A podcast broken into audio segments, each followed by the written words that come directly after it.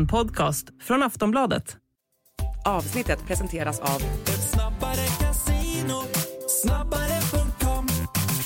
Stödlinjen.se, åldersgräns 18 år.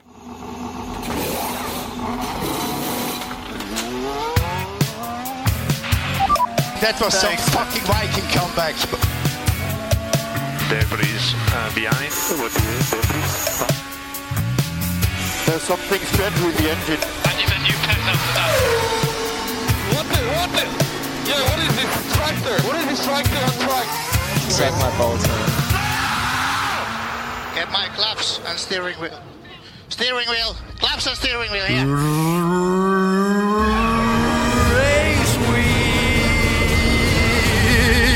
Anna. The Race Week. Race Week. Ja, men alltså hur länge har vi inte väntat? Det ska raceas!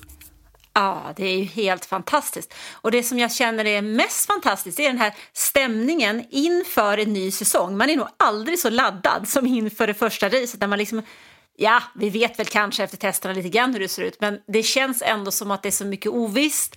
Man bara väntar på att de här lamporna ska släckas och man ska ha sån lång härlig säsong framför sig och man väntar på den här fighten, liksom. den som vi väntade på ja, men typ sen i maj. Känns det som. Ja, för att om det är någon gång på säsongen som allting faktiskt lever så är det ju nu, innan allt har börjat. Och så där så är jag faktiskt typ med allting i livet. Jag tycker allting är bäst och roligast före och efter, vad det än är. Alltså även, även när det kommer till sportevenemang eller annat i livet. Saker, att se fram emot någonting och blicka tillbaks på någonting, det tycker jag är, är det absolut bästa. Så inför en säsong, det kan inte bli bättre eller härligare än inför. För nu står vi med blanka papper, det är noll i poängställningen. Allt kan hända, egentligen. Rent teoretiskt. Ja, och jag tycker det känns bra. Jag är ju inte så bra på att glädjas åt saker efteråt. För då tänker jag bara, nej men det där var väl inte så jobbigt. Det löste sig väldigt bra. Det där var väl inget svårt. Nej, säger jag som inte ens berättade för någon att jag hade tagit körkort. Liksom. Är det sant? Inte för någon. Ja, nej. Jag kom hem till min eh, mamma typ tre dagar senare och talade om att du, jag lånar bilen imorgon, jag ska på jobb i Västerås. Hon bara, du har inget körkort. Jo.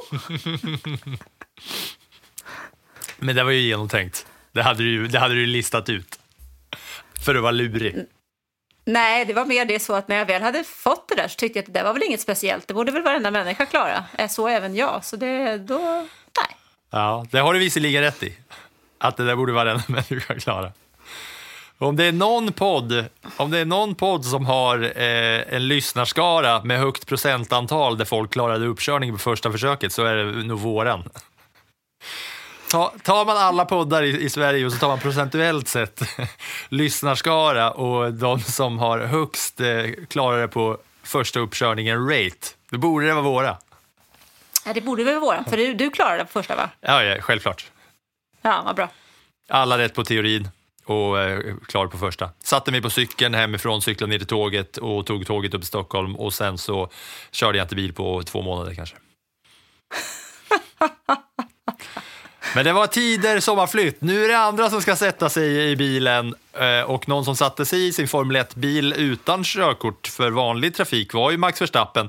Och det vi ska komma till här nu då, när jag påbörjar den här meningen, det är att extra laddad är man ju för att efter dag ett på testdagarna i Bahrain, som vi ska prata om här och nu innan vi börjar prata upp säsongen ännu mer, eller ja, det är ju upp, ett upprat av säsongen, testdagarna såklart, var ju att dag ett så var alla rapporter att jaha, då kan vi packa ihop väskorna, den här säsongen är redan avgjord, Max Verstappen har redan vunnit allt. Hej då, tack allihopa, det var kul att eh, råkas under försäsongen, men nu är det klart, Max kommer vinna allt. Men sen kom dag två och dag tre och då var det lite andra ljud i skällan. Men vi ska väl ta de här testdagarna och jag tänker att vi tar dem eh, lite smått då, stora snackisarna dag ett, dag två, dag tre och sen en liten summering innan vi eh, kör lite påståenden inför säsongen. Vad sägs om det, Anna? Ja, jag är ju ingen jättefan av tester för jag tycker att de ofta säger väldigt lite eftersom vi inte vet. Vi har ingen aning om vad de testar, hur inställningarna är. Eh, vi vet av histor eller historien har berättat för oss att Mercedes är väldigt duktiga på att så kallat sandbagga under testerna, det vill säga att de inte visar vad de har, vilket många andra också har. Så att jag är lite så här, ja, mm, vad säger testerna? Det är faktiskt så att det finns ju en vecka från det att testerna avslutats till det att säsongen börjar. Under den där veckan hinner det hända väldigt, väldigt mycket, för då jobbar man ju 24-7 i fabrikerna med all den data man har fått ut på testerna plus med de senaste uppdateringarna. Så det är inte så att de eh, testar och sen går de och vilar en vecka utan det händer ju otroligt mycket där. Så bara för att en sak var på ett sätt på testerna så behöver de ju inte vara så när teamen kör ut på den första träningen i Bahrain som den här gången är på en torsdag. Så jag tycker man ska vara lite försiktig med vad man lägger för värdering i testerna för att eh, vi vet inte riktigt med vilka förutsättningar vi jobbar här. Okej, men om vi säger så här då. Eh, dag ett på testerna, det var ju mest att man fick se alla bilar, hur de såg ut när de rullade ut. Eh, vad som hade hänt med bil 1 och bil 2 och bil 3 hela vägen eh, rakt igenom fältet. Och den absolut största snackisen var ju såklart Adrian Newies Red Bull-bil. Som egentligen så här, inför de här testerna så Red Bull de hade i princip chansen att ta samma bil som de hade förra året och modellera om lite. Men de visste i princip att folk kommer ta vårt koncept och, för, och eh, försöka göra ungefär det de får göra så som vi hade på vår bil 2023. Eh, men då kör Adrian Newey typ den störst, största trollningen genom alla tider och det som vi pratade om eh, tidigare, att det verkar som att han har tagit lite av Mercedes koncept. Men det han gör är att han väl utgår på den här nya designen på Red Bull-bilen från Mercedes 2023-bil som de övergav. Han, som det supergeni han är, såg alltså någonting i Mercedes koncept från förra året, fattade vad de var liksom försökte hitta där, såg storheten, men han fattade också det de hade missat i vad som behövdes kring det här konceptet. Och och nu eh, ser man då vi, mycket likheter mellan den där grejen. Och de har redan börjat snacka om att Red Bull kanske inte kommer ha några sidepods när den här eh, bilen går i mål i slutet av säsongen. Vad säger man om det här? Och man snackar om de här tuberna högt upp vid axlarna på bilen, om man ska säga. Ja, men det vi man måste ju också komma ihåg att varje F1-bil är ett bygge. Det är ett gigantiskt legobygge. Så att Mercedes kan ju mycket väl ha haft någonting i det här men de hade typ två bitar av alla de här 3000 bitarna som de bygger en bil, vilket gjorde att konceptet inte passade ihop. Och när vi pratar koncept så pratar vi också om att vi ska låsa upp potential. Så varje koncept i sig har ju ett tak någonstans. Så hur långt det man kan nå för att ja, tills man når max. Liksom. Och då pratar jag inte Verstappen. Eh, och i det här läget så är det så att Red Bull, som var väldigt överlägsna väldigt tidigt, de kanske såg att nej, men vi tar inte lika mycket. Om vi fortsätter med samma, samma koncept så når vi taket för snabbt vilket gör att de andra kommer ikapp oss. Så för att vi ska då låsa upp mer potential så måste vi göra någon form av förändring för att kunna hitta mer. Och den här pusselbiten, eller de här legostenarna som Mercedes hade, vad händer om vi plockar in dem i vårt koncept? För det är ju inte så att bara deras sidepod har varit nyckeln utan mycket, en stor del av nyckeln har ju legat i hur man drar luftströmmarna så att säga, ge under golvet framförallt och mot bakvingen. Och hur kan vi få i det i vårt koncept? Ja, då har man ju plockat in dem och tittat då i tagit inspiration från Mercedes, tittat på de egna bitarna, testat det i simulator och i vindtunnel och med de här olika datatesterna, CFD och så vidare och sett saker och kanske man har sett att ja, om vi får till det här konceptet så kanske vi har ett högre tak än om vi hade behållit det gamla. Så för att fortsätta utvecklas så måste man ju också våga. Och det är ju otroligt typiskt för Adrian Newey, för han är ju en människa som ser luften. Så han har tagit inspiration och sett att här finns det möjlighet för oss att ja, låsa upp mer potential. Mercedes problem under alla år är att de har inte låst upp potential, de har ju låst upp problem hela tiden. Men är det inte just så himla Alltså det är så himla kryddat kring alltihopa att det är just Mercedes bil och deras då misslyckade koncept. För det var ju det som var, snack, det var ju störst, största snackisen av alla bilkoncept under hela förra året. Att nej, Mercedes gav upp sitt koncept. Det här kommer aldrig funka. Vi kan fortsätta den här bilen, men det kommer inte, det kommer inte gå. Och så bara vänder man blad och helt plötsligt så står Adrian Newey och Red Bull med det konceptet där de bara har satt det. Jag är lite långnäsa på det då. Ja, det, är, det, är, ja, det där det tycker jag har någonting så in i nacken mycket. Men det, var, det, det är liksom den stora grejen med, när det kommer till bilarna. Sen var det dag två och brunnslock, det har vi sett flyga eh, till höger och vänster tidigare eh, när vi har följt Formel 1. Och även det här hände under dag två på testerna. Men det verkar ju som att det är framförallt Ferrari som inte kan hantera det med brunnslock. För det var återigen så var det ju Ferrari som eh, var i närheten och dessutom skadades ju golvet på bilen sådant och det kan ju inte varit billigt att byta det. Det där kan ju varit en ekonomisk, eh, jag ska inte säga katastrof, men en rejäl smäll i alla fall eh, att råka ut för det en gång till. Vi minns ju alla hur Fred Vassör gnällde över kostnaderna i Las Vegas Eh, där det hände senast. Så det var väl otroligt typiskt att det var så. Men annars tyckte jag Ferrari såg ju snabba ut. Men återigen, det, tittar man på resultatlistan på ett test så ser man ja, hur snabbt de har kört på ett varv. Men vi vet ju inte vad de har testat. Vi vet ju inte hur mycket bränsle de har haft i bilen.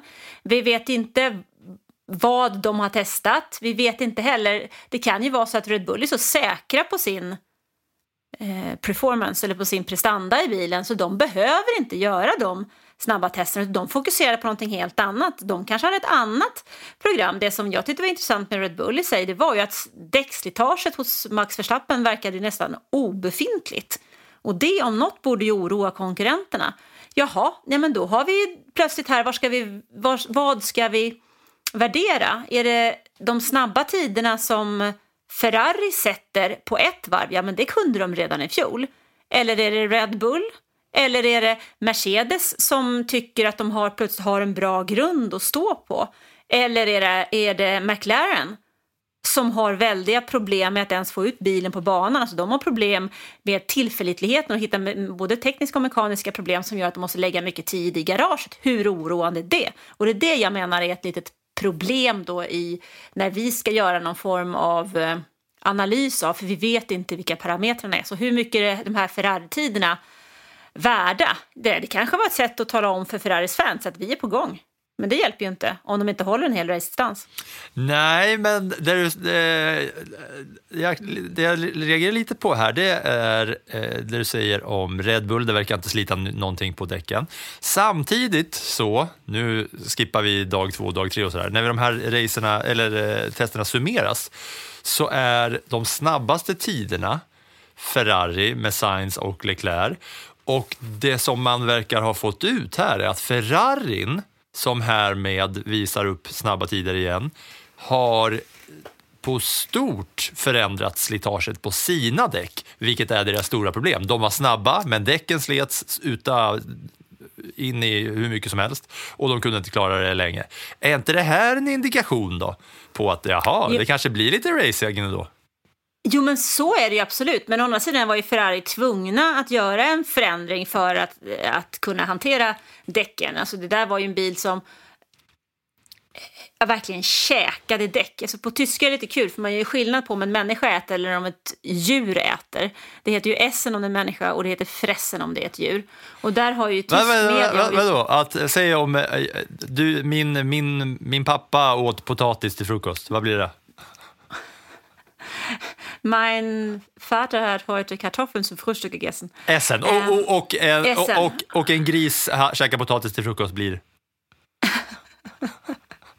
Du, dein Schwein, har heute Morgen Kartoffeln gefressen. Gefressen? Jaha. Ja. Och en bil, Nej, och en bil likställs med djur då? Ting. Då bilen, ja precis. Och den tysk, tysk media så har man ju skrattat jättemycket då åt att Ferrarins bil, den fressen, däck. Liksom. Den käkar verkligen, alltså den slevar i sig däcken som om det vore just grisfoder. Um, eller potatis. Eller potatis, ja skulor kanske till och med. Nej, men det, och det som är viktigt här är ju att Ferrari har lämnat det stället där de befann sig på var just den här eh, däckfressen, ätaren. Eh, och kanske gått mer till ett något mer civiliserat sätt att hantera däcken då, kanske lite mer SM. Jäkla lång utläggning jag fick till där. Ja, det är bra. Jag, jag gillar när vi, när vi snackar tyska. Men för, för att summera då den här eh, race... Eh, ja, varför säger jag racehelgen? Jag är så taggad på att det är racevecka och att det snart är racehelg. Eller ja, att det snart är racevardag och en dag eh, på helgen som det raceas. Eh, det ska vi komma till också. Men eh, om man tittar så här då. Testerna går ut på att samla data och då måste man kötta många varv för att få så mycket data som möjligt. Så jag tänker att vi utgår ifrån bara att gå igenom vilka som faktiskt körde flest varv. För det gjorde nämligen eh, det amerikanska teamet utan Günther Steiner, Haas, som körde 441 varv. Näst flest Ferrari och sen rak ordning neråt Red Bull, Kick Sauber, Aston Martin, småtjurarna, Mercedes, Alpin, McLaren och minst varv av alla Williams som bara lyckades köra 61 varv dag ett när alla andra körde minst 120. Mm. Williams, Williams och McLaren i botten där känns inte bra. Eh, sen så är det något mer som man har noterat här om testerna. Det är ju att alpin känns ju faktiskt väldigt osäkra i år när det gäller hela deras nya koncept. Förarna är eh, osäkra båda två. Det är inte ofta de två, Gasly och Ocon, eh, gemens, har en gemensamhet när det gäller någonting och har samma åsikt dessutom när det gäller, när det gäller någonting. Men ingen av dem har ju varit sådär jätteövertygade inför säsongen i alla fall. Så att eh, alpin Eh, är det någonting man kan säga efter testerna så säger de alpin, frågetecken, frågetecken. McLaren, hur är det med tillförlitligheten? Får de ordning på den biten? Haas känns icke snabba. Um, Ferrari, ja, får vi ordning på däckslitaget och det visar sig hålla i sig, kanske de kan utmana. Men hur mycket har framförallt Max, Max Verstappen och Red Bull hållit igen under de här dagarna? Det undrar jag. Mm. Eh, de, eh, både Ferrari och Red Bull bankade ju in många varv, eh, men ändå liksom 30 färre än Haas. Eh, 50 färre när det kommer till Red Bull. Ferrari körde typ 30 varv mindre och Red Bull 50 varv mindre totalt och man fick dela upp det här. Testerna går ju till så att det är bara en bil som får vara ute på banan. Så båda förarna för varje team är ju aldrig ute samtidigt utan man delar upp alla de här dagarna mellan varandra. Eh, men det där var totala, totala varven som kördes. Jag fick faktiskt en fråga om det gällde det här med, med testerna. Eh, varför man bara kör med en bil. Och det är så att det står i regelverket att man bara får köra med en bil. Plus att det är ju ofta så att teamen faktiskt inte är klara med bilarna när testerna börjar. Så att man, får ju kanske inte, man har ju kanske inte två bilar helt enkelt att köra. Så det skulle inte funka av den anledningen heller. Plus nästa är ju att hade du haft två bilar så hade du behövt ha ännu mycket mer personal för att få runt det där. Så att anledningen är dels regelmässigt, ekonomiskt och så tidsmässigt till att man bara kör en bil. Mm. Det där var, eh, det var eh, totala tiderna. Sen har vi här, eller vad jag säger, totala varven. Sen har jag här, och jag vet alla säger hela tiden, ja det är bara testing, det är bara testing. Men det är ju det, är ju det som vi har att gå på. va? Man säger att man ska inte gå utifrån så mycket på testningen, men vi måste ändå förhålla oss till det vi faktiskt har här. De långsammaste bilarna, för här har vi alla, alla, eh, alla förares bästa tider. Och vi har det också på tiden av dagen, för det är mycket sånt man säger också. Ja, det beror på hur mycket bensin hade man i bilen, vad var det man testade, eh, vad var det för tid på dagen, hur varmt var det i däcken, vilka var bla bla. Men... Och vilka däck hade du? Ja, exakt. Det är ju näst, nästa sak. Verstappen körde ju inte de mjukaste däcken. så att, ja. exakt. Men vi har faktiskt tider ändå och som svältfödda vi då har blivit under den här vintern på faktiskt att se bilar köra på riktigt på en racingbana där de ska köra, så har vi här de som körde snabbaste varven under de här tre testdagarna. Eh, det var Sainz snabbast av alla, Leclerc näst snabbast, Russell fyra, Janju Joe femma, eh, nej fyra och Perez femma före Verstappen. Så det är lite intressant. Bakom där är Synoda, Albon, Piastri, Hamilton. Botten har vi Magnussen, Sargent, Bottas, Gasly, Ocon, Stroll, Hulkenberg, Ricardo, Norris, Alonso. Och skillnaden mellan Sainz som körde det snabbaste varvet på dag två klockan 16.39.51 på dagen. Eh, han körde på 1.29,9. Kevin Magnussen körde på sista testdagen på 1.33. Så tre sekunder långsammare på ett varv skiljer eh, de här bilarna. Men när jag läser upp den här listan, är det någonting förutom tidigare nämnda alpin som du reagerar på? Det jag tänker på framförallt det är ju att Red Bull inte har kört med de mjukare däcken utan de har hållit sig på C3 och det kan jag tycka tyder på att de känner sig väldigt trygga i vad de håller på med.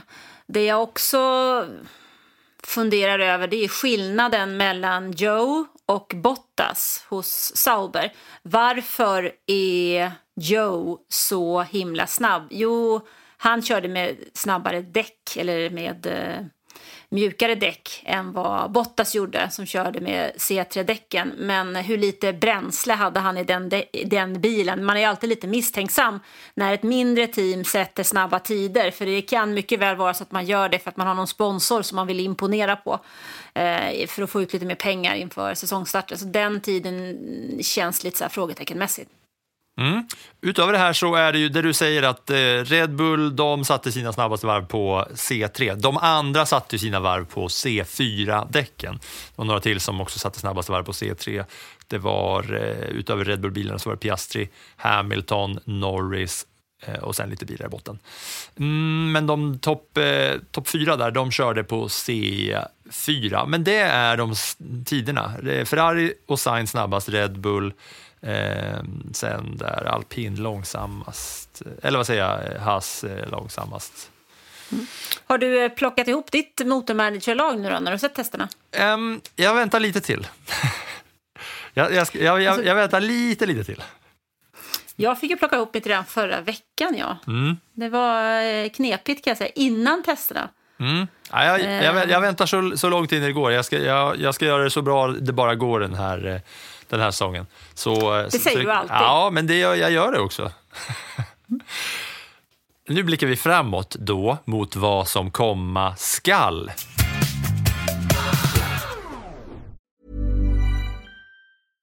Finding your perfect home was hard, but thanks to Burrow, furnishing it has never been easier.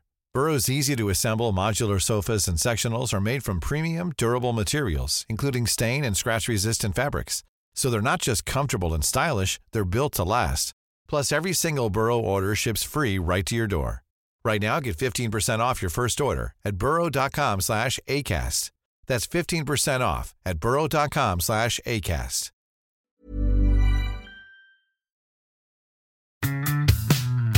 Vi ska snacka igenom varje team här.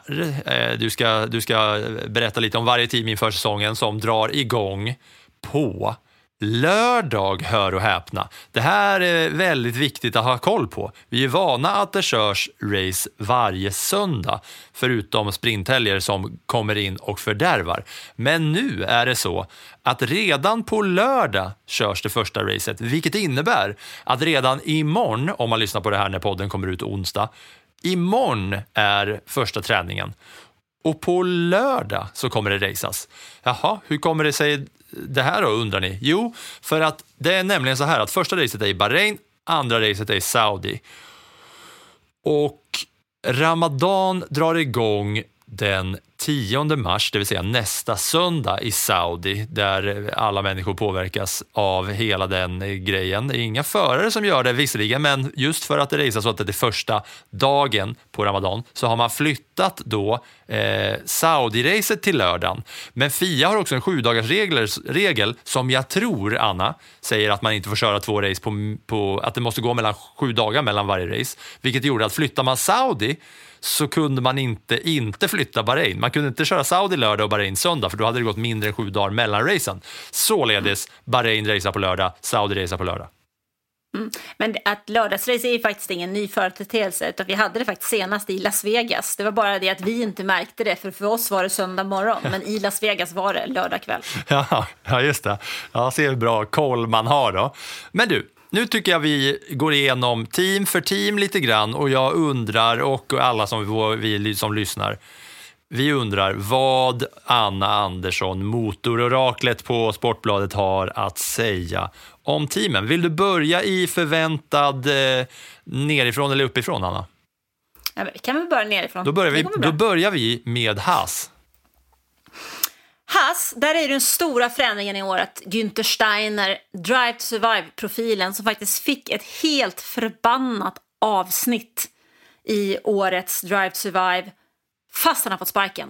Uh, han är ju inte kvar, utan istället så har man ju tänkt helt om när det gäller Haas. För att eh, uh, man, istället för Günther Steiner har ju varit liksom en, en eh, profil, stark när det gäller eh, sponsorer och sådana saker. Men nu har man tittat mot en person som har en helt annan bakgrund istället. Så att eh, i år heter nya teamchefen Ayo Ayo Komatsu. Det här är roligt, för det här, Titta, jag exa, fastnade. exakt det här kommer vi återkomma till när jag kör mina påståenden inför säsongen. Men Ayo Komatsu i alla fall, han har ju en teknisk bakgrund. Han, där kommer ju faktiskt inte några ingenjörer kunna köra över honom med några tankar hit och dit. Utan han har ju verkligen koll på vad som gäller när det gäller bilen. Det som är lite oroande är att han säger att utgångsläget för den här bilen är inte fantastiskt. Och då blir man ju lite orolig. Eh, förarbiten det är ju Nico, Nico Hülkenberg och det är Kevin Magnussen. Och de två är ju otroligt erfarna. Men de kör ju också för sina karriärer på något sätt. Det är två stycken pappor plus 30. Eh, Hülkenberg vill ju garanterat vidare. Han har säkerligen fått upp ögonen för Audi. Eh, Audi har ju hela tiden sagt att man gärna vill ha en tysk förare. Kevin, ja hur roligt tycker han det är utifall att det då skulle vara så att den här bilen inte har något fantastiskt utgångsläge. Så att jag tror inte riktigt på dem där i år. Nej, jag tycker det är extra kul att du inte har satt eh, Haas teamchefen. Att det kommer naturligt från varken dig eller mig. Det ska vi återkomma till. Nu ska vi gå vidare till nästa team efter att vi har varit inne på Haas. Och då undrar jag, jag har nämligen samlat en del experters eh, tips. Så jag undrar, vem vill du utgå ifrån? Vill du utgå från eh, ett Twitterkonto som heter F1 Data Analysis, Will Buxton, eh, motorsporttotal.com, The Race, eh, Joylan Pormer, Ted Kravitz eller Racing News 365. Vem vill du utgå ifrån? Vems tips? Vi tar den i ordningen. Eller vill du? Ja, men mi- mitt tyska hjärta Ja. säger ju motorsporttotal.com. Ja, jag visste det. Då eh, kommer du få eh, ta alpin, för de tippar nämligen alpin som näst sämsta team och det är de ganska ensamma om att ha. Eller eh, ja, det, så är det. Sen om alpin blir näst sämst eller tredje sämst, det tror jag har att göra med utvecklingen av den bilen under säsongen. Det som jag tycker är lite oroande med alpin, det är ju organisationen runt teamet. I fjol så gick de här Hollywoodstjärnorna in och pumpade in en massa pengar har man eh, under säsongen. Ja, Det har man helt Men- glömt ju. Wow.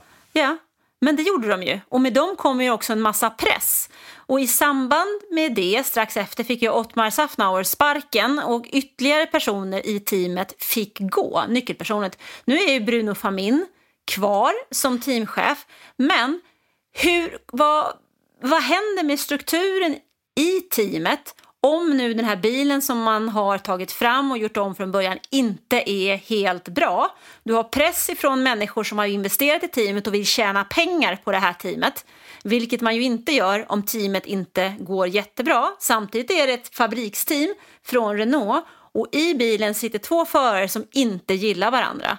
Esteban Ocon och Pierre Gasly, de tycker inte om varandra. Det har de inte gjort. De är uppvuxna i grannbyar. De har tävlat mot varandra sedan de körde go-kart och redan då var de oense om hur man kör bil. Och den här soppan känns jäkligt oroande, tycker jag, om man nu vill att alpin ska nå resultat. Ja, och just det här också efter eh, minst eh, sagt eh, svajande testerna här nu inför. Mycket snack om att alpin ska vara så himla dåliga. Ehm, näst på tur är det team som vi under säsongen kommer kolla, kalla massa olika saker, men som jag idag säger Sauber till. Jag kommer att kalla det teamet för Sauber. Ja. faktiskt. Ja, många har tippat eh, Sauber som näst sämst. Eh, Motorsporttotal.com har tippat Sauber som tredje sämst. Ja, det är ju för att de ligger i någon slags limbo här, va? i vänte, Warteschleife som man sagt på tyska. Mm, Gamla Så vänt- Warteschleife. Ja, men du vet som en sån här... eh, Vattenrutschkana. Nej, men jag skulle säga snarare du ring, ringer till någon myndighet och så talar de om att du ska vänta. Så ligger man där i vänt, man väntar och väntar och väntar och väntar till man håller på att gå åt av att vänta. Alltså det känns lite så att det är där man ligger. Man ligger bara på ett väntspår helt enkelt. Ja, Där och väntar. Watterschleife. Det, jag, jag, jag gick ju med bara mm. på att det lät som vattenrutschkana. Inte att jag ty- tyckte att det känns som att man ligger i en vattenrutschkana i väntan på Audi. Ja, okej. Nej, men man ligger, det känns som att man ligger bara där och väntar. Man ska ut på gamla Skurubron och man aldrig kommer ut. Liksom. Eller Essingeleden, man står bara stilla. Ehm, och där, jag tror att det är det som är lite av problemet med det här. Att man inte riktigt har fått ordning på hur det ska bli. Senast till nästa år så måste ju Audi in och börja styra upp förare, styra upp bil och alltihopa för 2026 ordentligt. Men fram till dess så är det, ja, man väntar. Man har Ferrari som motorleverantör, man har Zhang Zhou och man har Valtteri Bottas som är ganska rolig på sociala medier och en eh, erkänt duktig förare. Men eh, jag vet inte riktigt vad de har att jobba med egentligen. Nej, jag börjar komma in lite på att man kanske ska syna. Och Är det verkligen så att Bottas är så himla rolig? Eller är det bara att han är, att han är så himla annorlunda att man skrattar åt honom mer än med honom? För han gör inte så mycket förutom att bara se kul ut. Ja, han, är så himla, han, är så, han är så himla hyllad på sociala medier.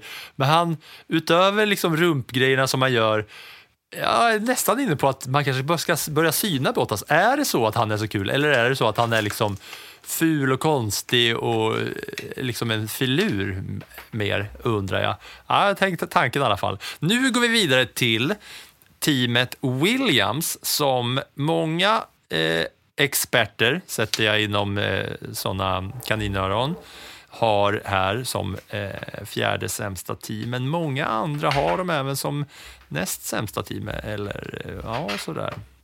Mm, Williams, Anna. Williams, ja. Alltså, jag tror ju på James Bowles. Um, det jobbet han gjorde med teamet i fjol var ju fantastiskt bra. Och jag har svårt att kunna tänka mig att han inte lyckas med förbättra organisationen och eh, framförallt moralen i teamet i år också. Jag tycker det är ett... Eh, jag, jag känner att eh, han har någonting på gång där. Alex Albon är också väldigt spännande. Och han... Ja, jag tror att det finns någonting, finns ännu mer i den killen. Däremot Logan Sargent, eh, det blir ju kul för honom att åka på samma banor som han har gjort en gång. Då kanske han lyckas lite bättre i alla fall. Vet du vad jag, vet du vad jag tror om, tycker om James Vowles? Jag eh, förstår ju såklart, efter eh, saker jag läser och människor likt dig som jag lyssnar och lystrar till. Men jag tappar liksom lite tron på honom när han hela tiden går ut och säger ah, men Logan Sargent, han är kanon alltså. Det, ni ska bara se den här killen. Han är så himla grym alltså. Logan Sargent har stora grejer på gång. Ni ska bara se, vänta och se bara. Och så åker Logan Sargent ut där och är den enda som snurrar av banan på testerna och eh, med tanke på hur, hur eh, lite poäng han tog och hur mycket han kraschade förra året så är det så här att ja, James Vowles är väl kanon, men omdömet, det ifrågasätter jag lite när han säger att eh, Logan Sargent hela tiden är kanon. Men vad tror du, han, vem är det som äger det teamet? Ja, Logan Sargent, nej. Eh, ja, jag, jag vet att det har med sponsorer hit och dit att göra, men alltså, ja, jag, det har jag sagt till dig förut. Du måste, inom F1 så handlar det inte om att lyssna på vad som sägs. Det är lika viktigt att lyssna på det som inte sägs. Ja, Ja, jag vet inte. Ja, Jag vet, ja, jag vet, jag vet inte. Ja, Okej, vi går vidare till eh, småtjurarna som alla de här experterna som jag har radat upp, eh, förutom The Race som är The Athletics eh, F1-bevakning. Alla har småtjurarna på, eh, vad, vad vart är vi nu? En, två, tre, fyra, i mitten som sexa. Toppen av mittfältet. Det känns väl ändå som en ganska bra, place- bra placering för ett team som i fjol kämpade för sin överlevnad kändes det som fram till slutet av säsongen när Yuki Tsunoda verkligen räddade dem. Eh, man har ju knutit småtjurarna, eller We Car Småtjurarna. Ja, men alltså, jag pratade ju faktiskt med Janne Blomqvist om detta. Vad ska vi, vad ska vi kalla dem för? Och han menar på att det ska heta We Carb. Ja, men det kommer aldrig hålla. Det är bara djup. Ja, We Carb. Småtjurarna Ja. i alla fall. Eh, så att man... Eh, man har knutit dem betydligt närmare Red Bull när det gäller både simulatorer, vindtunnel och så vidare.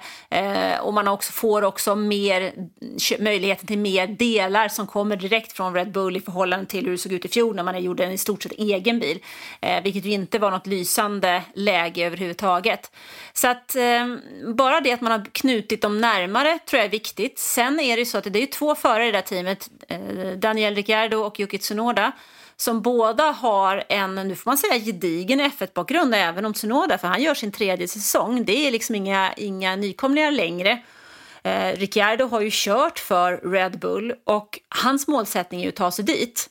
Men för att göra det så måste han ju dominera Tsunoda. Och ska Tsunoda ha en chans att ta sig till Red Bull så måste han dominera Ricciardo.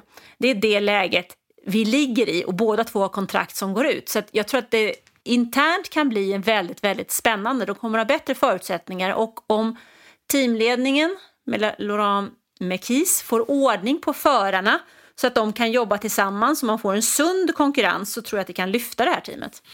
Mm, de här är man eh, mycket nyfiken på. Va? Och eh, ja, att hålla dem över eh, Alpin, Williams och Sauber gemensamt allihopa, det, eh, det talar för någonting. va? Sny, eh, skön bil också, nu när man närmar sig, eller nu när man har fått se den lite. Och då kommer vi till ett team nu här, Anna, som är lite intressant att se bara när jag jämför alla våra experters olika tips. För här är motorsporttotal.com ensamma om att ha McLaren. Ja, den eh, hade jag nog inte, håller jag nog inte riktigt med om. Men de kanske har tittat på testerna där McLaren faktiskt inte såg så pigga ut. Jag har hela tiden känt att McLaren ligger i ett uppsving efter fjolårets fina höst. Eh, de har varit positiva efter det som har hänt. Det arbete som har varit i eh, fabriken under vintern. Zac Brown börjar prata om segrar. Landon Norris har förlängt kontraktet. Han pratar också om vinster. Jag är nyfiken på att se hur Oscar Piastri har utvecklats nu när han har fått köra på alla banor, har lite mer erfarenhet som gör att han kanske kan eh, få till det här med eh, race-strategi och däckshantering också, vilket ju var något av hans eh, problemområden under fjolåret när han var väldigt snabb på kval och också sprint, som han också vann en. Men han inte riktigt lyckades hantera race-situationerna och allt det som ett race innebär. Eh, så mm, honom eh, känner jag mig spänd inför den här säsongen. Jag tror nog att eh, både han och Lennon Norris kan lyckas om nu McLaren har ett paket som håller, som har samma fina utvecklingskurva. För det är ju hela tiden där som grunden ligger. Hur kan bilen utvecklas under året? Stannar den av i utvecklingen, ja då är du ju körd. Så är det bara. Jag tycker att det här känns som teamet med mest harmoni sett till eh, teamchef, båda förare och bil, eh, om man tittar på allihopa. Och samspel. Ja, men sen får vi se. Vi vet ju inte heller. Andreas Stella har ju inte Eh, haft så stora framgångar egentligen.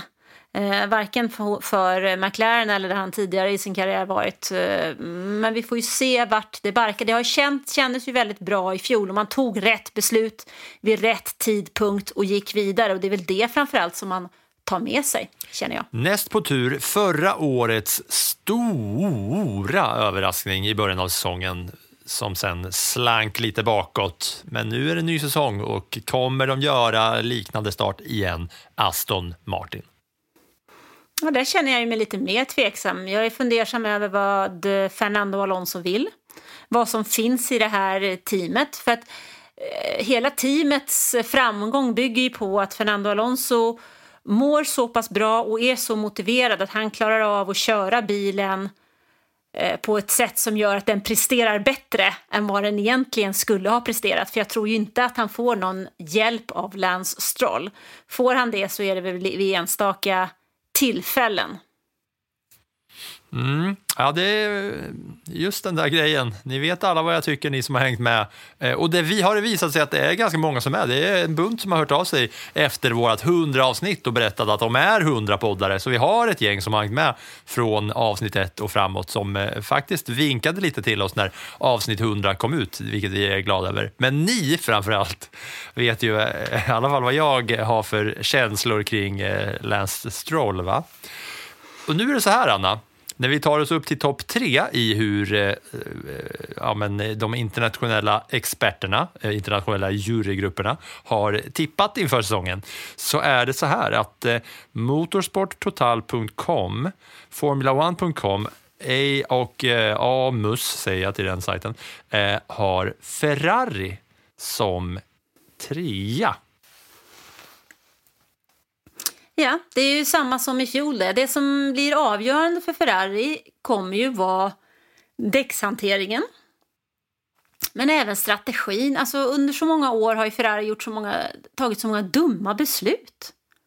När ska Fred Varseurs eh, organisation slå igenom och hans tankesätt och strategi slå igenom i hela organisationen så att vi inte gör de här eh, katastrofala depåstoppen, tar fel beslut vid fel tillfälle, det blir oro i teamet, eh, man tar, gör rätt uppdatering. När ska man få det här till en mera tydlighet än vad vi har haft? För Ferrari har ju spretat och det är också en av anledningarna till att fjolårets resultat eh, var så pass dåliga som de var, för att de var extremt snabba över ett varv.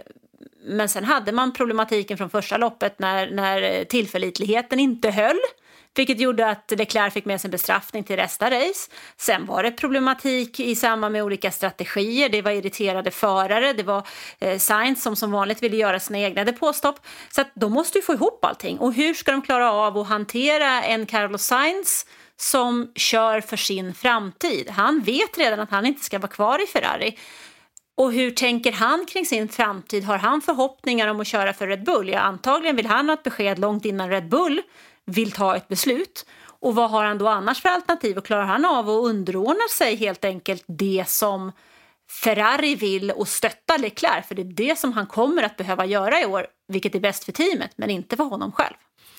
En annan rolig grej med Ferrari är ju att när alla team skulle börja köra ut såna här eh, krystade, eh, rätt så lama inlägg på sociala medier om att nu är det bilar på banan var ju att Ferraris sociala medieteam skulle lägga ut en, en sån här snygg bild på ett depåstopp ovanifrån som Drive to Survive-introt. Mm. Liksom. Så här, ja men nu, är äntligen, nu ska vi äntligen få se bilarna på banan, vi är laddade. Och då slänger de ut ett depåstopp där de, liksom gör, de slänger ut ett dåligt depåstopp. Att om man ser det här, man vill ju att man ska lägga ut en sån bild där det bara går snabbt, så här, allt flyter. Men det är liksom strul med vänster fram på, den, på det Instagram-läget, så fick de ta bort det direkt. Så även bakom sociala mediespakarna var det någon som inte hade koll på grejerna och la ut ett, liksom, det var ju inte ett katastrofdepåstopp, men det var liksom ett klart och tydligt dåligt depåstopp som de la ut för att visa så här, nu är vi taggade, nu kör vi. Det var kul tyckte jag. Extremt typiskt för Ferrari. Ja. Symptomatiskt. Ja. Symptomatiskt. Sen har vi då eh, här då, där de flesta då som jag, eller vad säger jag? Ja, ja, jag säger ingenting. Mercedes, Anna. ja, Mercedes är för mig en liten det kan vara lite som anden i flaskan. Liksom. Man vet inte när man öppnar vad som kommer ut ur den där, känner jag lite grann. För att de har ju gjort om allting, de har en otroligt hög ambition, de har inte samma press som Ferrari. Ferrari måste ju leverera. Så är det ju, för de har ju inte vunnit någonting sedan 2007-2008. Men Mercedes har ju vunnit, men någonstans så är ju kraven inifrån och utifrån på Mercedes betydligt större än att man återigen får en säsong utan att vinna något lopp. Efter de här två misslyckandena som man har haft 22 och 23 så behöver man ju återigen upp och visa och vara med om segrar. Även om man inte kan hota Red Bull så måste, i det långa loppet så måste man kunna ta lite segrar här och var. Sen tror jag att eh, Lewis Hamilton vill avsluta sin tid hos Mercedes med någonting väldigt, väldigt bra. Han hade ju drömt om att få ta den där åttonde VM-titeln redan i år tillsammans med Mercedes. Det hade ju varit fantastiskt så han kan sätta sig i en Ferrari sen och lugnt fundera över en nionde VM-titel.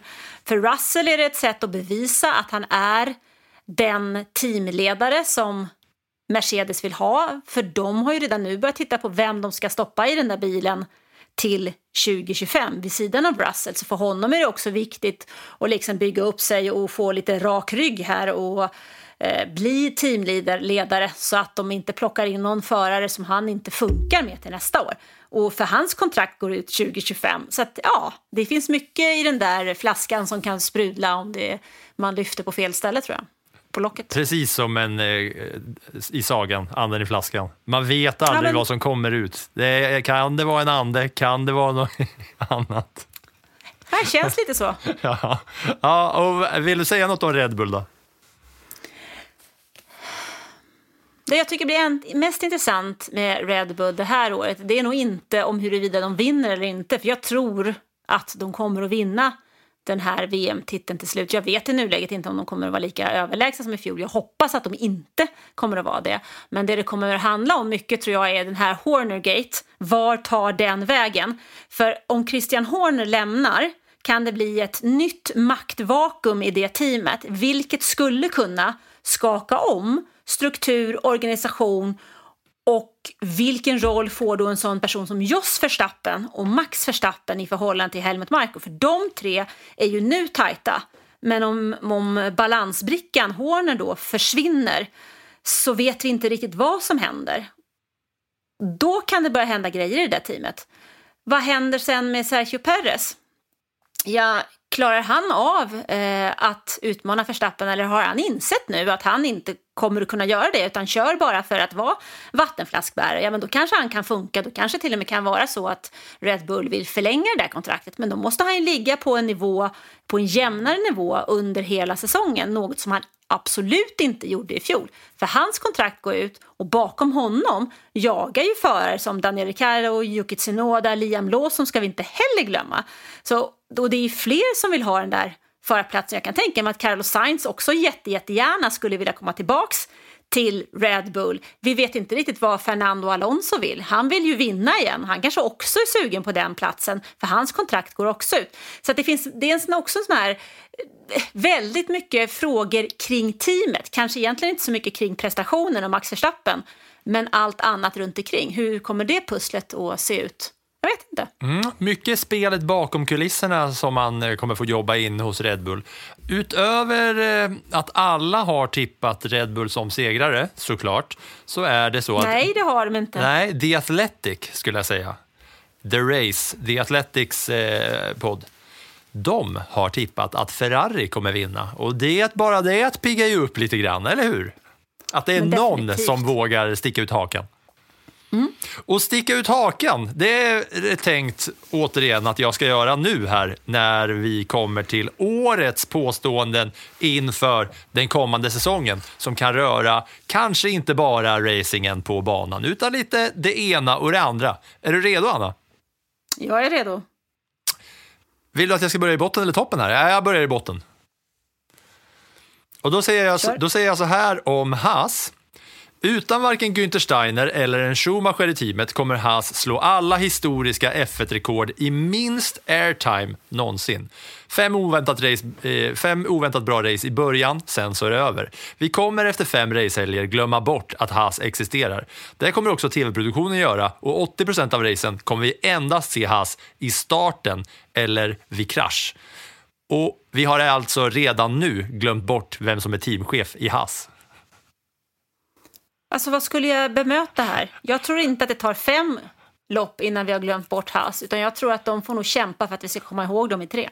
Ja, för, för eh, redan innan jag hade läst upp det här att vi har alltså redan nu glömt vem som är teamchef i Haas efter att Günther Steiner har lämnat. Den eh, känns som att den satt rätt bra redan innan jag sa det. Precis. Och sen så var det då alltså att de kommer slå rekord i minst airtime någonsin. De kommer inte synas i produktionen under racehelgerna förutom i starten. Det kan nog vara så, ja. Sen tar jag Williams. Logan Sargent, han kommer ju som väntat vara sist och sämst på alla sätt och vis. Alex Albon å andra sidan, han kommer såklart göra det bättre, men inte alls lika bra som förra året. I intervjuer kommer han eh, rent polit, politiklikt hylla Max Verstappen, Red Bull, men även Mercedes. För hans fokus ligger någon helt annanstans än hos Williams nu. Men svaga insatser i början av säsongen, eh, men hela tiden med frågor från media om framtiden så kommer han tappa fokus. Mid-season kommer både Mercedes och Ferrari Eh, vad säger jag? Mercedes och eh, Red Bull har presenterat nya förare för 2025 och inte är det Alex Albon. Därefter så kommer han ta fler poäng än han gjorde under hela 2023. Alltså vilka långa påståenden du har i år. Jag kan ju bemöta varje påstående 17 gånger känner jag. Ehm, jag hinner till och med glömma bort vad du börjar med Filip.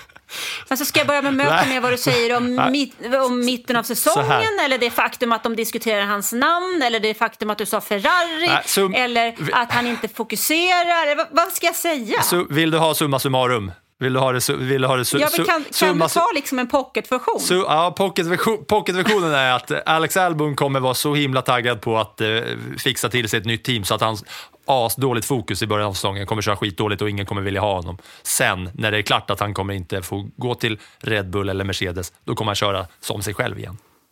Det där var ju lika långt igen.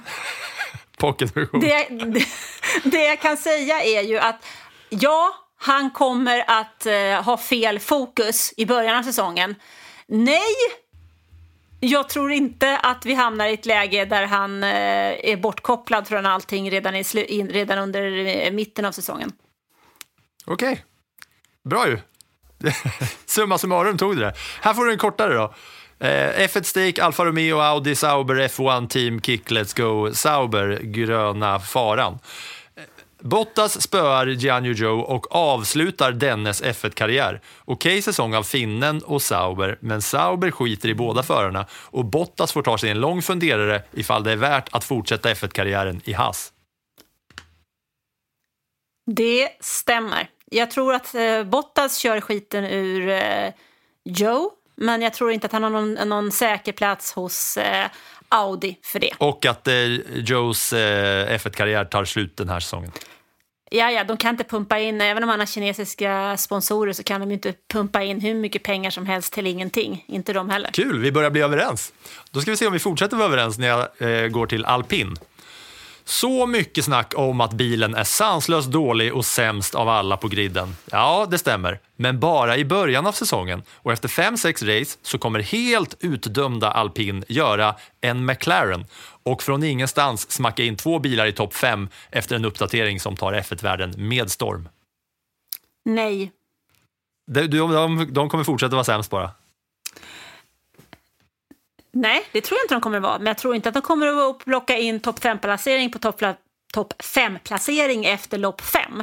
Jag tror att det kommer ta lite längre tid och sen så kan det nog vara så att de kanske tar poängplats med båda bilarna ibland. Men jag tror att konkurrenterna är så pass mycket bättre och att oron i hela alpinteamet gör att eh, den här McLaren-historien inte upprepar sig. Ja, jag tänker att de har varit så nära varandra förut och rent eh, de senaste åren har de varit så liksom tajt mellan vilka som eh, är bäst där mellan dem och sen så helt plötsligt så bara då var det McLaren som var det. Jag tänker att de kanske kan göra det, men kul att få ett nej. Småtjurarna då? Småtjurarna kommer komma topp 6 flera gånger i år, ta ett podium och i och med det här, att de kör så bra, så kommer det lämnas in protester mot att bilen har för mycket gemensamt med stortjurarna. Ja, det tror jag nog att det kan vara till viss del. Alltså jag tror att vi kan få se eh, en pallplats kanske för dem och jag tror att vi kan få se bra resultat. Vi kan nog också få se någon typ av protester, om de lämnas in eller inte. Det beror ju lite på hur väl jobbet är gjorts från början, om det finns någon chans att de här protesterna ska gå igenom eller inte. Kul då, då får vi hålla utkik på om det, blir, om det protesteras under säsongen. Gissa om det protesteras, det gör det väl alltid.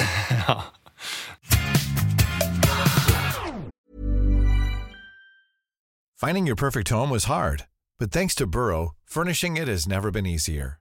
Burrow's easy to assemble modular sofas and sectionals are made from premium, durable materials, including stain and scratch resistant fabrics. So they're not just comfortable and stylish, they're built to last. Plus, every single Burrow order ships free right to your door. Right now, get 15% off your first order at burrow.com slash ACAST. That's 15% off at burrow.com slash ACAST.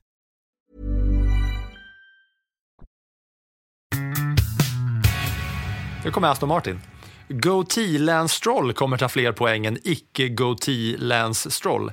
Dock kommer han inte ens ta en tredjedel av teamens alla poäng i år. Men ändå kommer Aston Martin gå ut med att de är delighted över att ha förlängt hans kontrakt. Ja, så det enda vi kan diskutera här är ju huruvida han kommer att ha ett getskägg eller inte. För det andra kommer ju att inträffa. Ja. Vad tror du om skägget då? Vad jag tror om skägget? Ja, du, ingen aning. Ja, vi får ha en intern score för att, eh, för att det kommer ju vara så att han, jag tror att han kommer ha det där skägget större delen av säsongen. Det är extremt fula goatee-skägget som inte passar alls. Och så kommer det gå dåligt och sen kommer det vara någon gång när han, eh, när han tar bort det och då kommer han ta fler poäng på färre race. Okej, okay. McLaren då? Här ska vi få en riktigt kort, det kommer du gilla. Ja, vad bra. Behöver du inte lyssna någonting. Nej. Lando Norris kommer till slut att vinna ett race, men Oscar Piastri gör det före honom. Pratar vi GP eller race? Låt det vara race. Race, det vill säga då kan det alltså vara ett sprintrace? Ja. Ja, då tror jag nog, för jag tror att O Norris oavsett om det är vinner- sprint eller ett riktigt race, när Norris väl vinner så kommer redan Piastri ha vunnit den här säsongen. Ja, jag tror att eh, Piastri vinner, för han vinner en sprint innan Norris vinner ett race. Men det, det bygger också på att Lando Norris kommer vinna det här. Ja, precis. Ja, kul, då tror du alltså det. Du tror både att Piastri och Norris kommer vinna varsitt race. Kul. Ja, men jag känner att jag måste tro på att vi har flera vinnare i år och eh, Norris måste väl någon gång spräcka den där några. Och det är det som är så roligt att vi är inför säsongen. Det är då man får tycka och tänka och tro på de här grejerna ju. Precis. Sen går vi till Mercedes. Lewis Hamiltons farväl på Silverstone kommer inte bara att få större delen av publiken, honom själv och de andra brittpojkarna i griden i tårar när han läser upp ett specialskrivet tal tillsammans med specialkomponerad musik inför sitt sista race på sin hemmaplan som Mercedes-förare. Vissa true Merca-fans de har dock redan vänt Sir Lewis ryggen och börjat bua. Eh, nej, han kommer inte skriva någon specialskriven musik till eh, Silverstone för han kommer vara alldeles för fokuserad på att eh, slutföra den här säsongen. Och han kommer ju faktiskt tillbaka till Silverstone och han, med Ferrari och han har dessutom kört för andra team på Silverstone. Så att eh, nej, så vi kanske får se honom spela in en duett med eh, Leclerc nästa år istället. Ja, men så inget specialskrivet farvältal till, eh, till Silverstone-publiken? Nej, absolut inte. Okej, det eh, sista bara på samma på Mercedes då. Vissa true Merca-fans har dock redan vänt Sir Lewis ryggen och börjat bua. Men hur ska du veta vilka som är true Merca-fans och vilka som inte är det? Om det är några som buar? de som hävdar sig själv vara bara Mercedes-fans då och buar ut Lewis. Och, och, det, och det vet du vilka det är på läktaren, Nej. så du ser att det är just dem och inte holländan som står bredvid som buar. Ja, jo, de, är, de har Mercedes-kläder. Jaha. Ah, nej, det tror jag inte. Och sen eh, förlängning på det här blir ett tumult utbryter på läktaren. Alltså, normalt sett så har de här påståendena varit ett påstående. Nu får du in 77 i en mening. Det här, jag vet inte riktigt. det här med tumultet, det, Jag det jag fick jag feeling för nu bara, att det blir slagsmål Ja, på ja, läktaren. Ja, men det är ju som du vanligtvis, att du får feeling. Ja, det är, där, det är därför jag är här. Du, Ja, jag vet. Ferrari då? F- Ja. Ferrari kommer redan i år sälja och tjäna mer pengar på Hamilton-merch än vad de gjort på Leclerc och Sainz hittills. Mot mitten av säsongen, när allt är klart och kört och Max har vunnit, så kommer Ferrari alldeles för tidigt börja göra reklam för 2025 med Hamilton i teamet. Yes. Kanske inte behöver vänta halva säsongen då. Alltså att de, Hamilton Merch tror jag de kommer, kommer få rejält med eh, Eh, in rejält med pengar för redan i år. Däremot så det är frågan om eh, Verstappen då vinner under halv, efter halva säsongen, det tror jag inte. Men jag tror att eh, Hamilton kommer att dra in pengar till Ferrari. Det har han ju redan gjort. För bara det att han presenterade så, så toppade ju aktien, aktien slog ju i taket efter det. Så att det är klart att han drar in pengar, det har han väl redan gjort. En liten bonus då, bara för att jag sa det förra året. Charles Leclerc bryter Monaco-förbannelsen och vinner. Nej. Nej, jag tror att jag håller den varje år framöver. Okej, Anna. Jag, man borde säga att jag har sparat det bästa till sist, men i ditt fall så har jag sparat den längsta till sist. Oh no. Luta dig tillbaka. Ja, jag gör det. Efter att Lewis Hamilton, nu är det Red Bull alltså, efter att Lewis Hamilton känt och visat, äh, fuck it, och kört så jävla hårt mot Verstappen under inledande varv av säsongen så kommer vi se fler team anamma den taktiken, vilket kommer leda till att Verstappen kommer DNFa minst tre race under säsongen. Han kommer även som följd av detta, på grund av att han är så himla överlägsen, göra den sjukaste upphämtningen vi någonsin sett och två gånger köra ikapp hela fältet efter att ha blivit körd av banan två gånger under samma race. Nej. Ingen kommer våga sätta hårt mot hårt mot Verstappen. Jo, det kan de göra. Man kommer inte DNFa på grund av det så många gånger. Det tror jag inte. Inget av det här kommer alltså hända och ingen vågar sätta sig upp mot Verstappen som jag tror att jag har skrivit den här i liksom förhoppning också. Vilket jag tror att våra lyssnare förstår. Förhoppning av att det kommer ske för att ge oss lite jämnare Formel 1-säsong. Men där har vi någonting att eh, se tillbaka på efter säsongen. Det är inte jättemycket som bara har med racingen att göra så det kanske blir kul att se vad som kan ske. Men hörni, ni som lyssnar, fattar ni att imorgon så är det officiellt racehelg när det är torsdag och på lördag så körs första racet för säsongen. Och innan dess så har de kvalat för att göra, visa vilka som ska starta var på griden under lördagens race. Är det inte sjukt va? Ja, men det, är, det, är, det, alltså, det är så otroligt mycket som händer nu också. F1-bibeln finns ni givetvis i butik. Den måste man ju naturligtvis inhandla om man inte redan har gjort det. F1 Live drar igång på fredag blir det då. Finns ju där tangenterna till kvalet.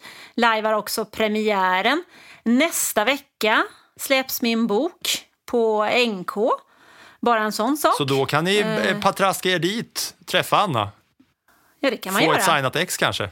Säga ett och Det- annat man har att säga om Pim också.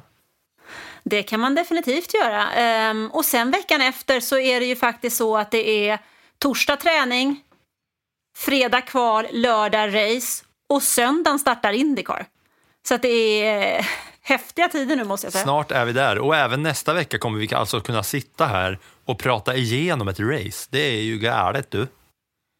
Ja, Definitivt. Då gör vi så att vi rullar ut ur vintergaraget ut mot en Formel 1-säsong som nu bara står runt hörnet.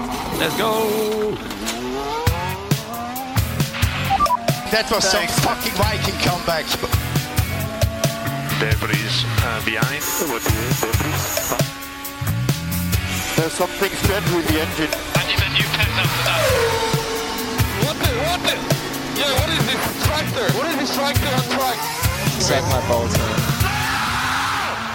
Get my claps and steering wheel. Steering wheel. Claps and steering wheel here.